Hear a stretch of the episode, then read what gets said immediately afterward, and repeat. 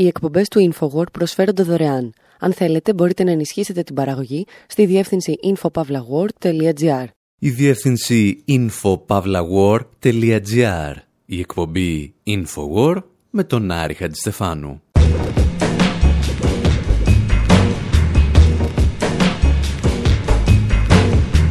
όπου σήμερα ακούμε τραγούδια που θα περίμενε κανείς να έχουν λογοκριθεί και δεν λογοκρίθηκαν και άλλα που τα έφαγε η Μαρμάγκα. Με αφορμή την προσπάθεια της κυβέρνησης να επιβάλλει τρομονόμο και στη μουσική, η οποία προσπάθεια τροποποιήθηκε αλλά δεν αποσύρθηκε, σκεφτόμαστε τι σημαίνει να λογοκρίνεις το μέσο και όχι το μήνυμα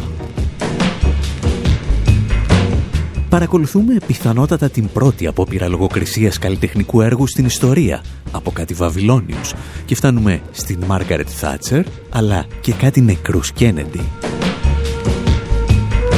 Υποπτευόμαστε ότι ένα σύγχρονο απολυταρχικό καθεστώς δεν λογοκρίνει ποτέ τον καλλιτέχνη αλλά τις πλατφόρμες που μεταδίδουν το έργο του. Αναρωτιόμαστε τι θα συνέβαινε εάν κάποιοι Έλληνες καλλιτέχνες επιχειρούσαν όσα κάνουν εδώ και μισό αιώνα συνάδελφοί τους στην Ευρώπη και την Αμερική. The Epic of Gilgamesh. When the gods created Gilgamesh, they gave him a perfect body, like Arnie when his films were still impressive, like Conan the Barbarian. Physical brilliance, like sculpted steel as flesh.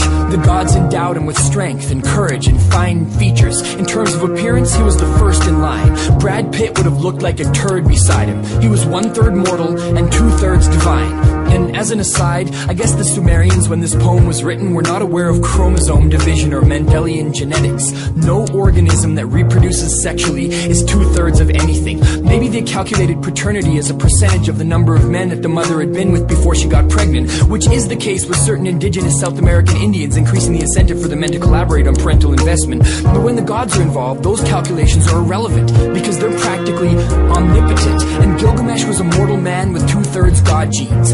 The Sumerian catalog of kings, he's listed as the fifth ruler of Uruk after the flood came and washed away all things.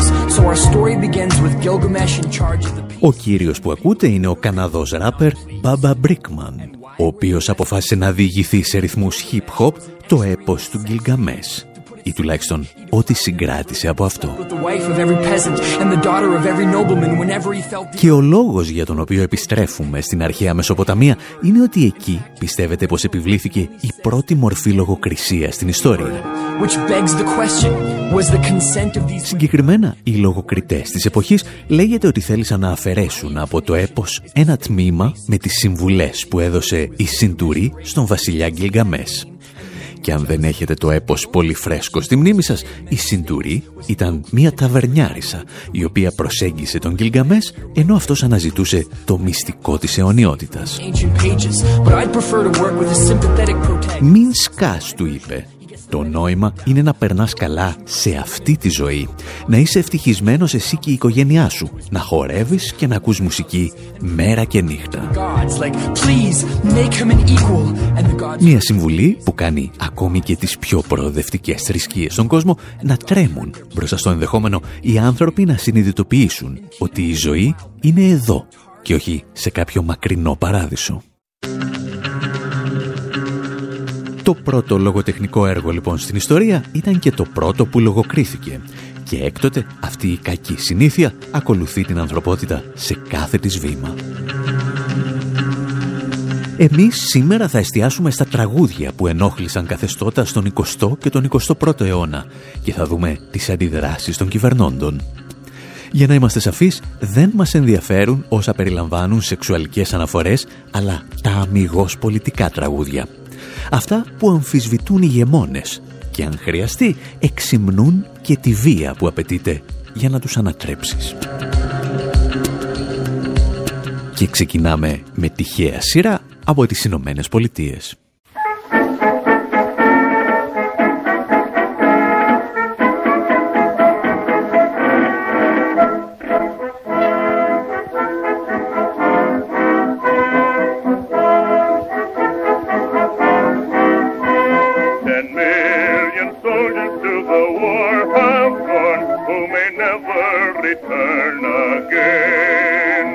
Λίγο πριν από το ξέσπασμα του Πρώτου Παγκοσμίου Πολέμου, ο στιχουργός Alfred Bryan γράφει το «I didn't raise my boy to be a soldier». «Δεν μεγάλωσα το παιδί μου για να γίνει στρατιώτης». Ένα από τα πρώτα αντιπολεμικά τραγούδια που έχουν ηχογραφηθεί.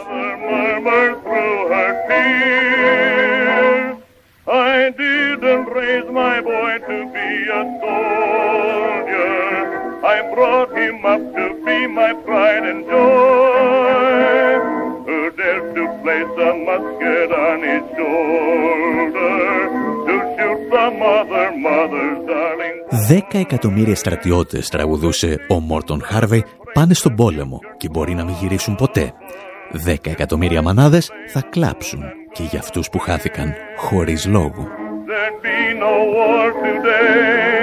Και μία από αυτές τις μανάδες, λέει το τραγούδι, αρχίζει να μονολογεί. Εγώ δεν μεγάλωσα το παιδί μου να γίνει στρατιώτης. Και ποιος είσαι εσύ που του δίνεις ένα όπλο για να σκοτώσει το παιδί μιας άλλης μητέρας;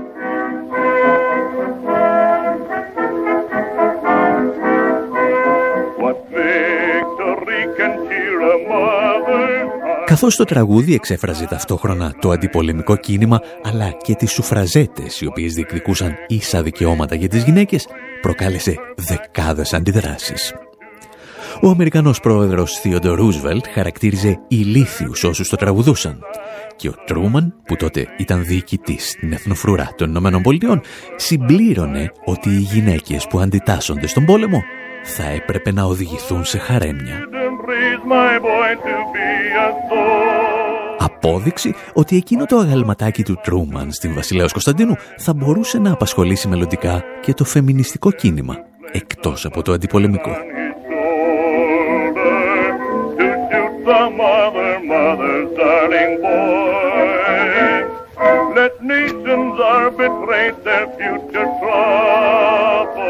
Το αμερικανικό κατεστημένο στον Πρώτο Παγκόσμιο Πόλεμο λοιπόν είχε εξαγριωθεί όχι γιατί ένα τραγούδι εξυμνούσε τη βία, αλλά επειδή την καταδίκαζε.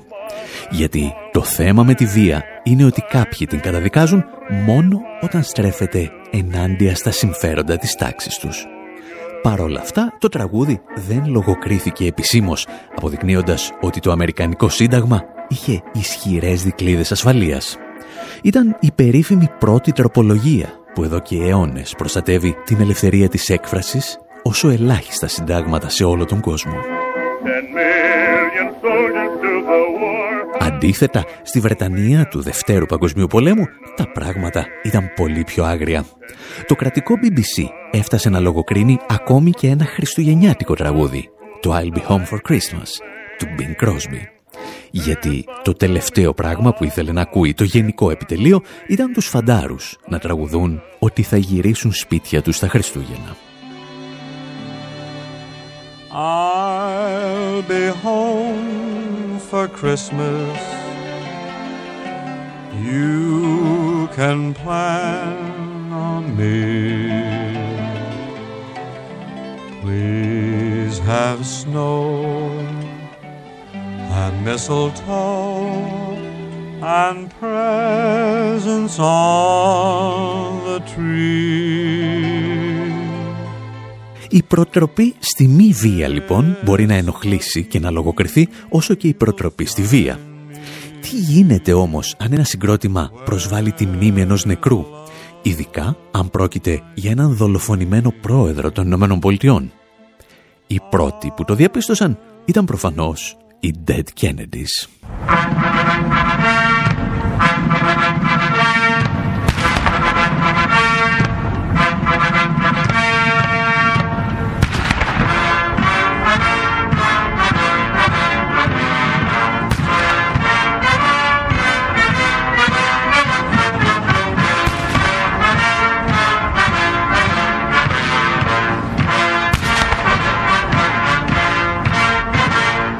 Το ημερολόγιό μας γράφει 22 Νοεμβρίου του 1978.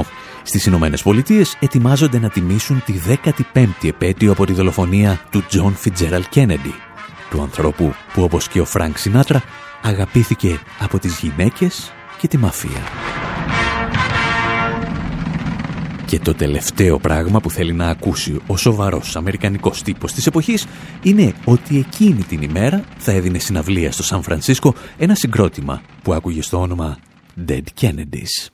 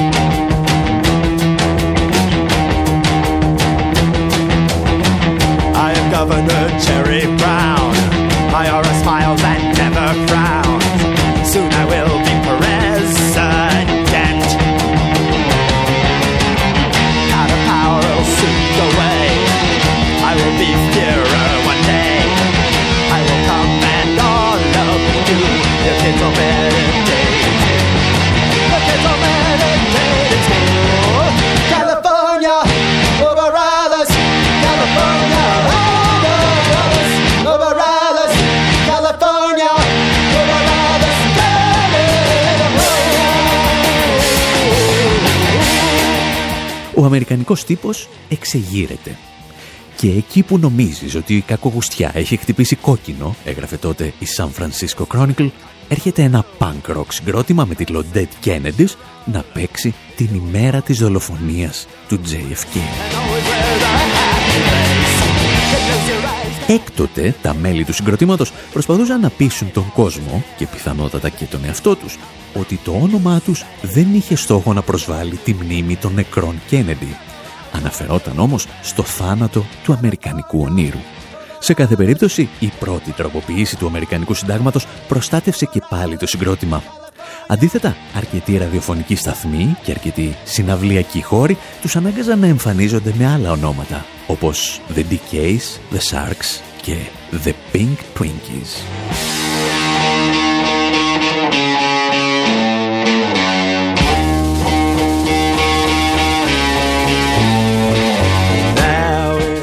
Οι Dead Kennedys θα ανοίξουν το δρόμο σε πολλά συγκροτήματα σε όλο τον κόσμο να αμφισβητήσουν και να προσβάλλουν πολιτικά πρόσωπα με τρόπους που θα θεωρούνταν αδιανόητοι μερικά χρόνια νωρίτερα.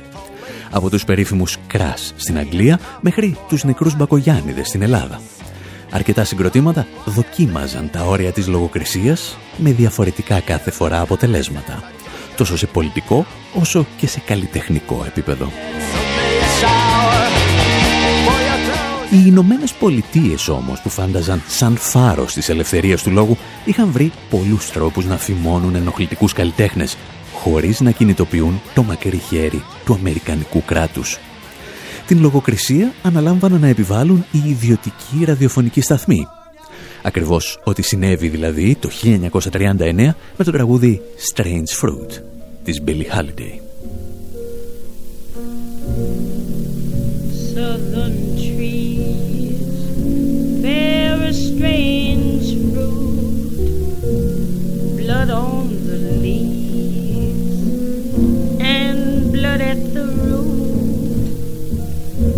Black bodies swinging in the southern breeze, strange fruit hanging from the poplar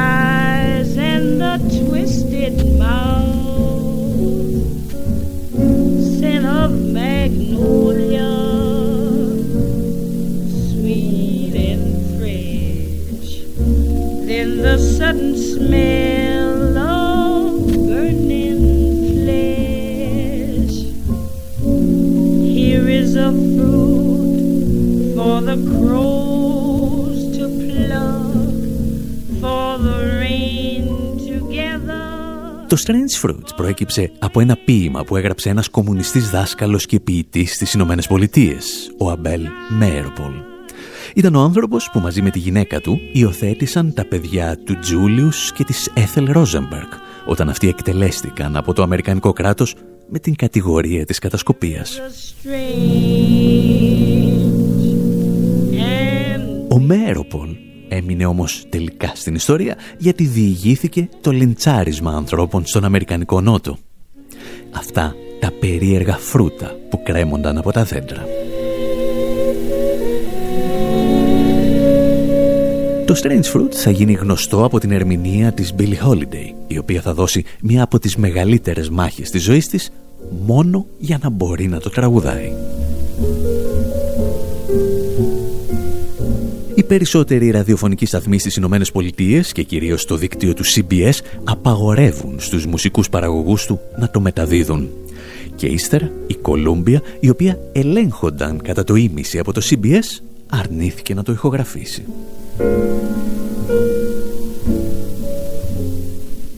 Η Billie Holiday όμως συνέχισε να το τραγουδά σε νυχτερινά κέντρα, παρά το γεγονός ότι φοβόταν επιθέσεις από ρατσιστικές ομάδες. Το άφηνε πάντα σαν τελευταίο τραγούδι στο πρόγραμμά της και έδινε πάντα εντολή στα γκαρσόνια να σταματούν το σερβίρισμα από το προηγούμενο κομμάτι. Έκλεινε τα μάτια και τραγουδούσε έναν ύμνο, τον οποίο δεν απαγόρευσε το Αμερικανικό κράτος, αλλά το ιδιωτικό παρακράτος.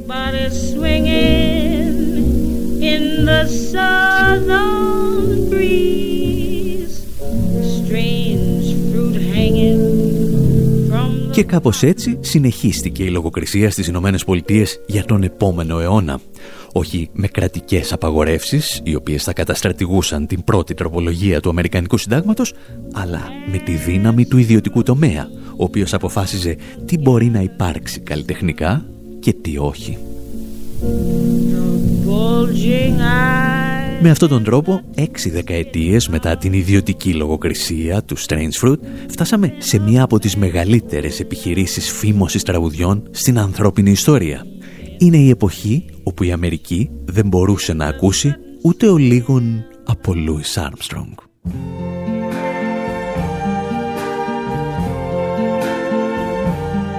I see trees of green,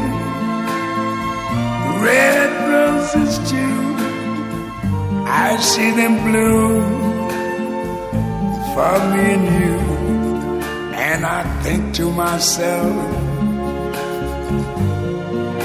what a wonderful world.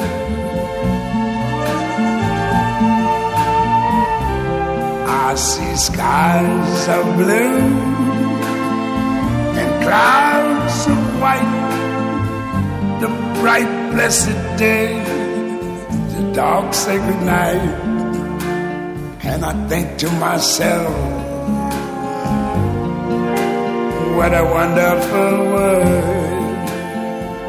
Το συγκεκριμένο τραγούδι ήταν ένα από τα 65 τραγούδια, η μετάδοση των οποίων απαγορεύτηκε μετά την 11η Σεπτεμβρίου από την Clear Channel Communications, την εταιρεία που ελέγχει το μεγαλύτερο δίκτυο ραδιοφωνικών σταθμών στις Ηνωμένες Πολιτείες.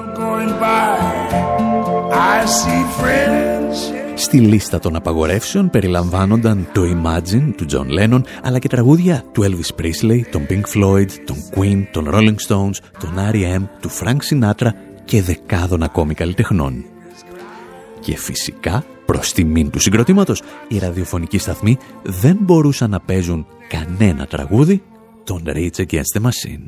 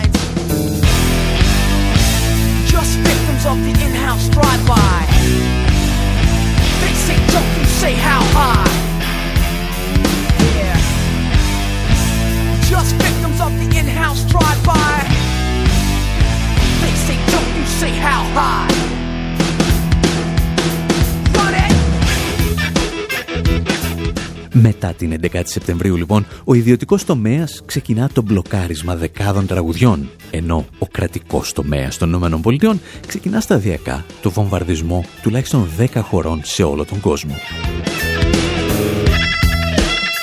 Την επόμενη φορά λοιπόν που θα ακούσετε ότι το κράτος δεν λογοκρίνει τους καλλιτέχνες αλλά ελέγχει τις πλατφόρμες που μεταδίδουν το έργο τους να ξέρετε ότι έχει στηθεί άλλη μια ΣΔΙΤ λογοκρισίας. Μια συνεργασία δημόσιου και ιδιωτικού τομέα. Εσείς πάλι μένετε εδώ, γιατί στο δεύτερο μέρος της εκπομπής συνεχίζουμε με μουσικές ιστορίες λογοκρισίας από την Ευρώπη.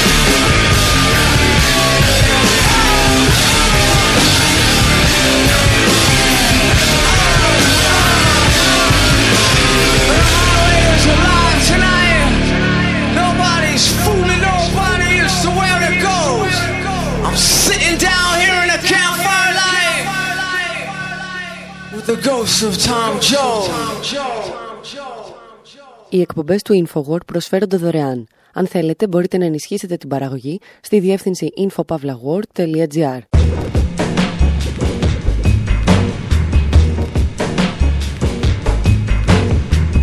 Εκπομπή InfoWord, μέρος δεύτερο όπου με αφορμή την αποτυχημένη προς το παρόν απόφαση της κυβέρνησης να επιβάλλει έναν τρομονόμο και για τη μουσική, θυμόμαστε μερικές ιστορικές περιπτώσεις λογοκρισίας από τη μουσική του 20ου και του 21ου αιώνα. Αφήσαμε πίσω μας τα περίεργα φρούτα του Αμερικανικού Νότου, κάτι νεκρούς Κέννεντι και 165 απαγορευμένα τραγούδια της 11 Σεπτεμβρίου, και έχει έρθει η ώρα να ταξιδέψουμε στη βασίλισσα της μουσικής λογοκρισίας, τη Μεγάλη Βρετανία.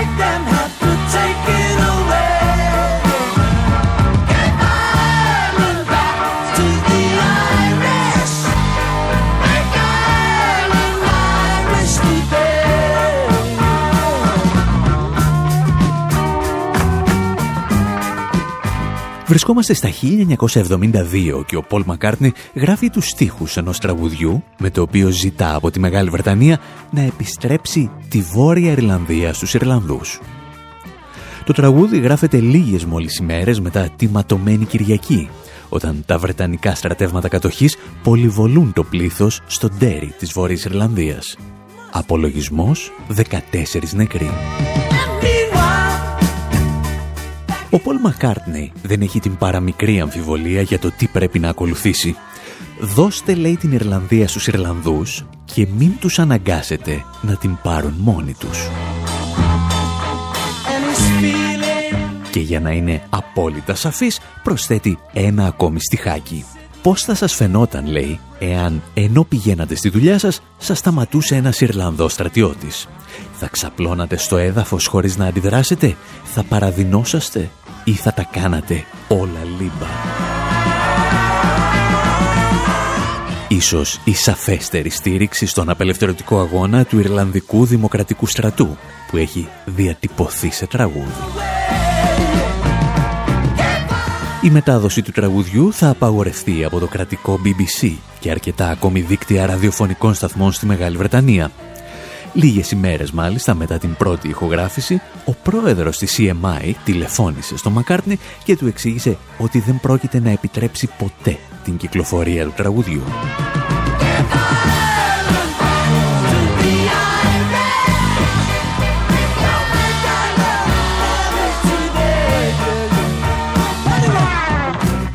Η αλήθεια είναι ότι θα χρειαζόμαστε εκπομπές ενός ολόκληρου χρόνου για να αναφερθούμε στα τραγούδια που έχει απαγορεύσει το BBC τον τελευταίο αιώνα. Με μια πρώτη ματιά εντοπίσαμε περίπου 250 και σε αυτά πρέπει να προσθέσουμε άλλα 70 η μετάδοση των οποίων απαγορεύτηκε κατά τη διάρκεια του πολέμου στον Περσικό κόλπο. Σε αρκετές περιπτώσεις η λογοκρισία ήταν ξεκάθαρα πολιτική όπως στην περίπτωση του Ιβαν Μακόλ. Το BBC απαγόρευσε την μετάδοση όλων των τραγουδιών του γιατί ήταν κομμουνιστής. Έγραφε στιχάκια για την κοπέλα του, την οποία συνάντησε, λέει, στο προάβλιο ενός εργοστασίου.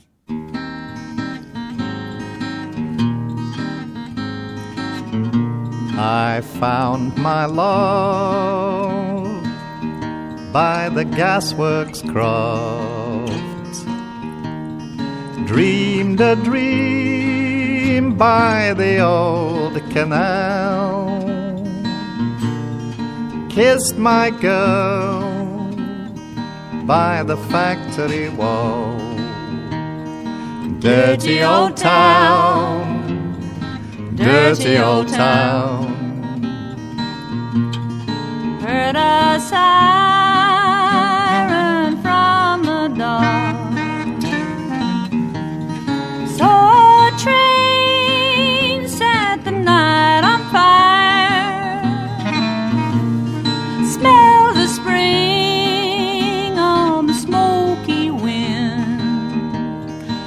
Dirty old town, dirty old town.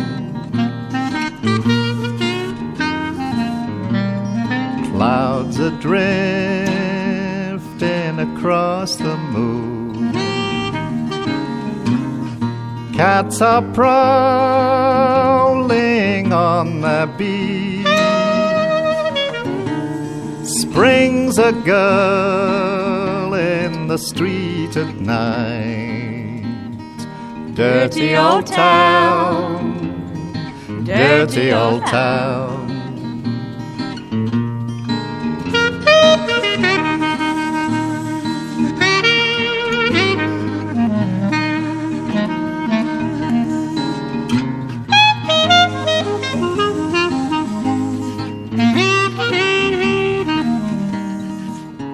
Ο Ιβαν Μακό λοιπόν λογοκρίθηκε γιατί ήταν κομμουνιστής. Σε άλλες περιπτώσεις όμως, το BBC απλώς επιβεβαίωσε τον κανόνα ότι οι λογοκριτές είναι συνήθως ηλίθιοι σε όλα τα μήκη και τα πλάτη της οικουμένης. Κάτι που διαπίστωσαν από πολύ νωρίς οι OMD.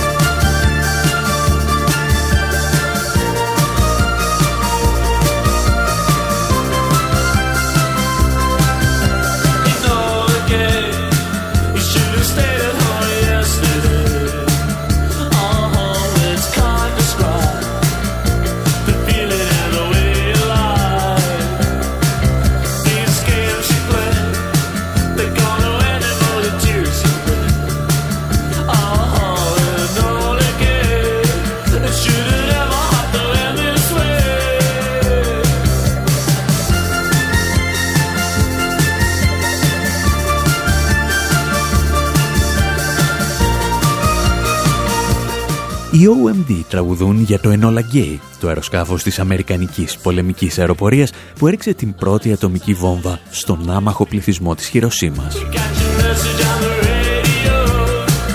Το αεροσκάφος, αν θυμάστε, είχε ονομαστεί έτσι προς τιμήν της μητέρας του πιλότου, της Enola Gay Tibbets. Τι κατάλαβαν οι λογοκριτές του BBC, ότι αποτελεί μία αναφορά στην ομοφιλοφιλία και έτσι το απαγόρευσαν στις ζώνες που θα μπορούσαν να το ακούσουν παιδιά. Ας μην ξεχνάμε ότι αναφερόμαστε στη χώρα η οποία υπέβαλε σε χημικό ευνουχισμό τον Άλαν Τούρινγκ, τον πατέρα των ηλεκτρονικών υπολογιστών και της τεχνητής νοημοσύνης, ο οποίος έσπαγε τα κωδικοποιημένα μηνύματα των ναζιστικών στρατευμάτων.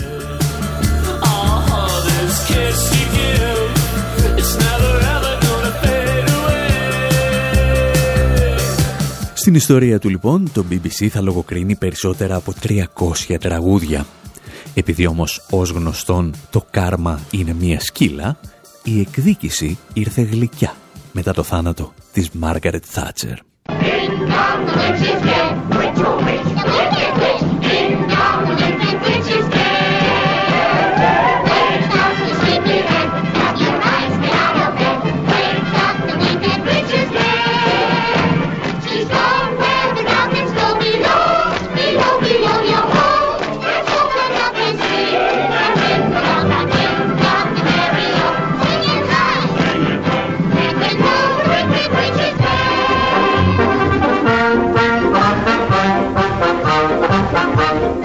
Το τραγουδάκι Ding Dong The Witch is Dead, δηλαδή Ding Dong η μάγισσα πέθανε, μας έρχεται από την κινηματογραφική μεταφορά του μάγου του Oz το 1939.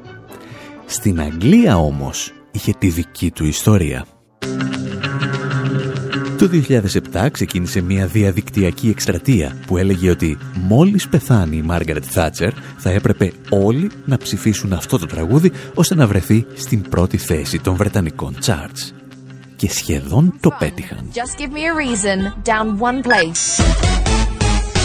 Which means that we've got a brand new entry at number two. To explain more, here's Newsbeat's music reporter, Sinead Garvan. This το Ding Dong The Witch is Dead έφτασε στη δεύτερη θέση, καθώς χιλιάδες Βρετανοί ξεχύνονταν στους δρόμους για να γιορτάσουν το θάνατο της Μάργαρετ Θάτσερ. Και το BBC ήταν αναγκασμένο να ανακοινώσει ποιο τραγούδι βρίσκεται στη δεύτερη θέση. Επειδή όμως ορισμένοι μουσικοί παραγωγοί φοβήθηκαν να το κάνουν, έγινε κάτι ακόμη χειρότερο.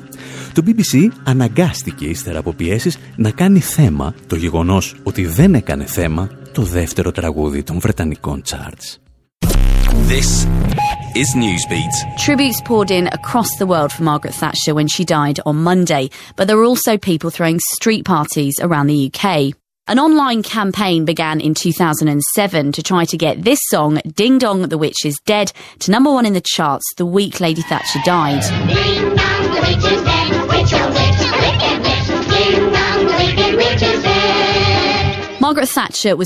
Αυτά συνέβαιναν βέβαια αφού πέθανε η Μάργαρετ Θάτσερ, γιατί πριν συμβεί το μοιραίο, αρκετοί καλλιτέχνες είχαν γράψει τραγούδια που εύχονταν να πεθάνει. Ανάμεσά τους ο Μόρισι και φυσικά η Χέφνερ με το θρηλυκό The Day That Thatcher Dies. Τους ακούμε και επιστρέφουμε.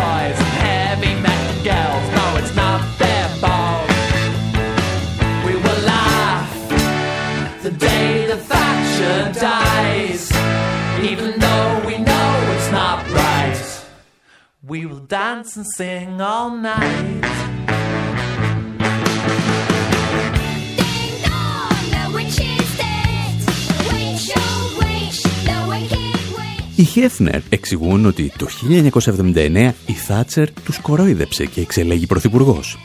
Το 1982 με τον πόλεμο των Φόκλανds άρχισαν να υποψιάζονται ότι κάτι δεν πήγαινε καλά και το 1986 ήταν πλέον έξαλλοι μαζί της. Το συγκρότημα μάλιστα υποστηρίζει ότι το μίσος απέναντι στην Μάργαρτ Θάτσερ θα έπρεπε να διδάσκεται στα σχολεία.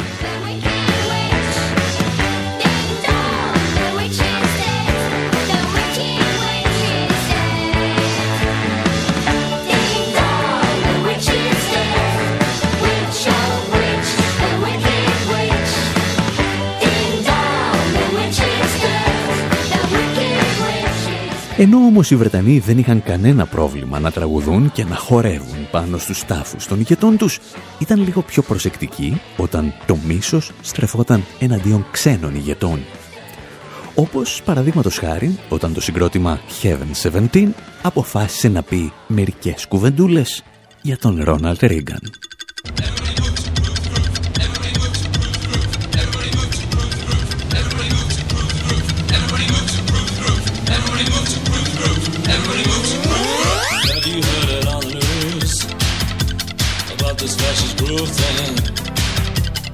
Evil men with racist views spreading all across the land. Don't just sit there on your ass and look that funky chain dance. Brothers, sisters, shoot your best. We don't need this fascist groove thing. Brothers, sisters, we don't need that fascist groove thing.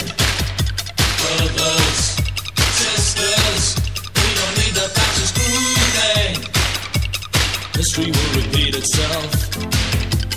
Crisis point, we're near the hour. Counterforce will do no good. Hot you as I feel your power. Hitler proves that funky stuff. It's not for you and me, girl. No, no, no, no. Europe's an happy land. They've had their fascist groove thing.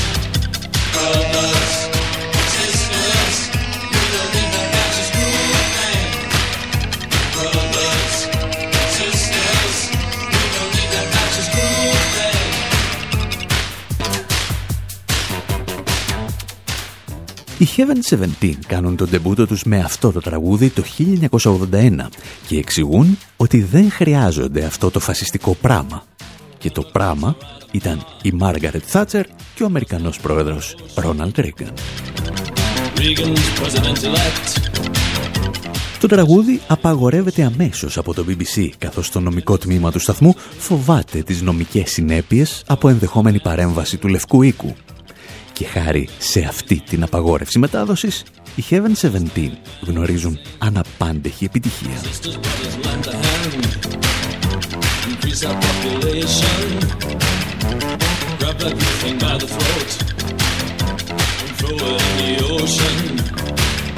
You're real tonight, you move my soul. Let's cruise on in the dance floor. Come out your hands and dance your dance. Οι Heaven 17 δεν έφαγαν τελικά τις μηνύσεις που ανέμεναν από τις Ηνωμένες Πολιτείες. Λιγότερο τυχερός όμως ήταν ο Eric Ίντλ, τον Monty Python. Το 2004 του επιβλήθηκε πρόστιμο 5.000 δολαρίων γιατί είπε τη λέξη «fuck» σε ένα ραδιοφωνικό σταθμό. Και αυτός απάντησε γράφοντας ένα τραγουδάκι για να εξηγήσει τα αισθήματά του για το FCC, την Ομοσπονδιακή Επιτροπή Τηλεπικοινωνιών των Ηνωμένων Πολιτειών. Here's a little number I wrote while out duck hunting with a judge. Quack. Fuck you very much, the FCC. Fuck you very much for fining me. Five thousand bucks a fuck, so I'm really out of luck. That's more than Heidi Fleiss was charging me. So fuck you very much, the FCC. For proving that free speech just isn't free. Clear Channel's a dear channel, so Howard Stern must go. Attorney General Ashcroft doesn't like strong words, and so he's charging twice as much as all the drugs for Rush Limbaugh. So fuck you all so very much. So fuck you very much, dear Mr. Bush, for heroically sitting on your tush. For Halliburton, Enron, all the companies who fail. Let's send them a clear signal and stick Martha straight in jail. She's an uppity rich bitch, and at least she isn't male. So fuck you all so very much. So fuck you, dickhead Mr. Cheney, too. Fuck you and fuck everything you do. Your pacemaker must be a fake, you haven't got a heart. As far as I'm concerned, you're just a pasty-faced old fart. And as for Condoleezza, she's an intellectual tart. So fuck you all so very much. Ο Eric Indl ξεκινά με μια καταγγελία επί προσωπικού, αλλά γρήγορα αποφασίζει να τα βάλει με ολόκληρο το Υπουργικό Συμβούλιο της κυβέρνησης Bush, την Enron, την Halliburton, αλλά και την Ομοσπονδιακή Υπηρεσία Περιβάλλοντος, η οποία καταστρέφει, όπως λέει, την Αλάσκα. Και επειδή οι πρόεδροι αλλάζουν, αλλά οι πολιτικές όχι, ο Έρικ Ίντλ θα ξαναχτυπήσει το 2018, διασκευάζοντας το δικό του τραγούδι για τον Ντόναλτ Τραμπ. Fuck you very much, the FCC, for kindly ending net neutrality. The country's in the toilet now that Putin took a dump all over your democracy and left you all with Trump. So a bunch of greedy bastards can steal everything they see. Fuck you very much, the FCC. And fuck you very much, the EPA. For not keeping global warming threats away. Scott Pruitt will not do it, as he's on the phone all day. Taking secret calls from big polluters keen to pay. And then he flies off round the world, he's ruining every day. So fuck you, Scott, so very much.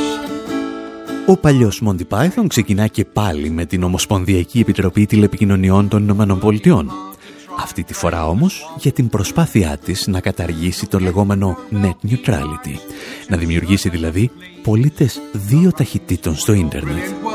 On international peace, the outlook may be Και ύστερα έρχεται φυσικά η σειρά του Ντόναλτ Τραμπ και όσων είχαν διανοηθεί να τον προτείνουν για τον Νόμπελ Ειρήνης.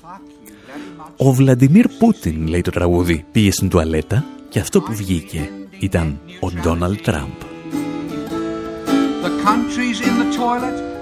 Και επειδή αυτή τη φορά η Επιτροπή Τηλεπικοινωνιών είχε πάρει το μάθημά της και δεν επέβαλε πρόστιμο στον παλιό Monty Python, η νέα εκτέλεση του τραγουδιού πέρασε σχεδόν απαρατήρητη. very much the FCC. And fuck Παρεπιπτόντος, όταν εμείς προσπαθήσαμε να ακούσουμε αυτό το τραγούδι στο κινητό μας, λάβαμε ένα μήνυμα από την Google που ζητούσε να επιβεβαιώσουμε την ηλικία μας. Και για να το κάνουμε, ήθελε λέει να δώσουμε τα στοιχεία της πιστοτικής μας κάρτας. Γιατί σε αυτό τον κόσμο όλα είναι ανεκτά, αρκεί να μπορείς να πληρώσεις. he's ruining every day. So fuck you, Scott. So Εμείς πάλι κάπου εδώ λέμε να σας αφήσουμε και για αυτή την εβδομάδα. Ιστορίες σαν και αυτές που ακούτε μπορείτε να βρείτε εκατοντάδες στη σελίδα μας info.pavlawar.gr Μέχρι την επόμενη εβδομάδα, από τον Άρη Χατζηστεφάνου στο μικρόφωνο και τον Δημήτρη Σταθόπουλο στην τεχνική επιμέλεια, γεια σας και χαρά σας.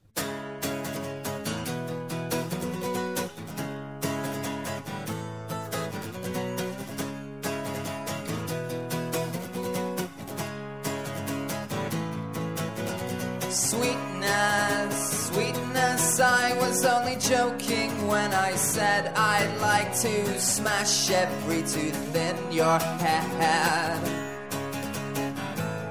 Oh, sweetness, sweetness, I was only joking when I said by rights you should be bludgeoned in your bed.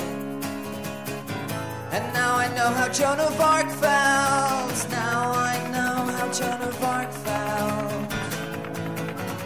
As the flames rose to Roman nose and her disc man started to melt.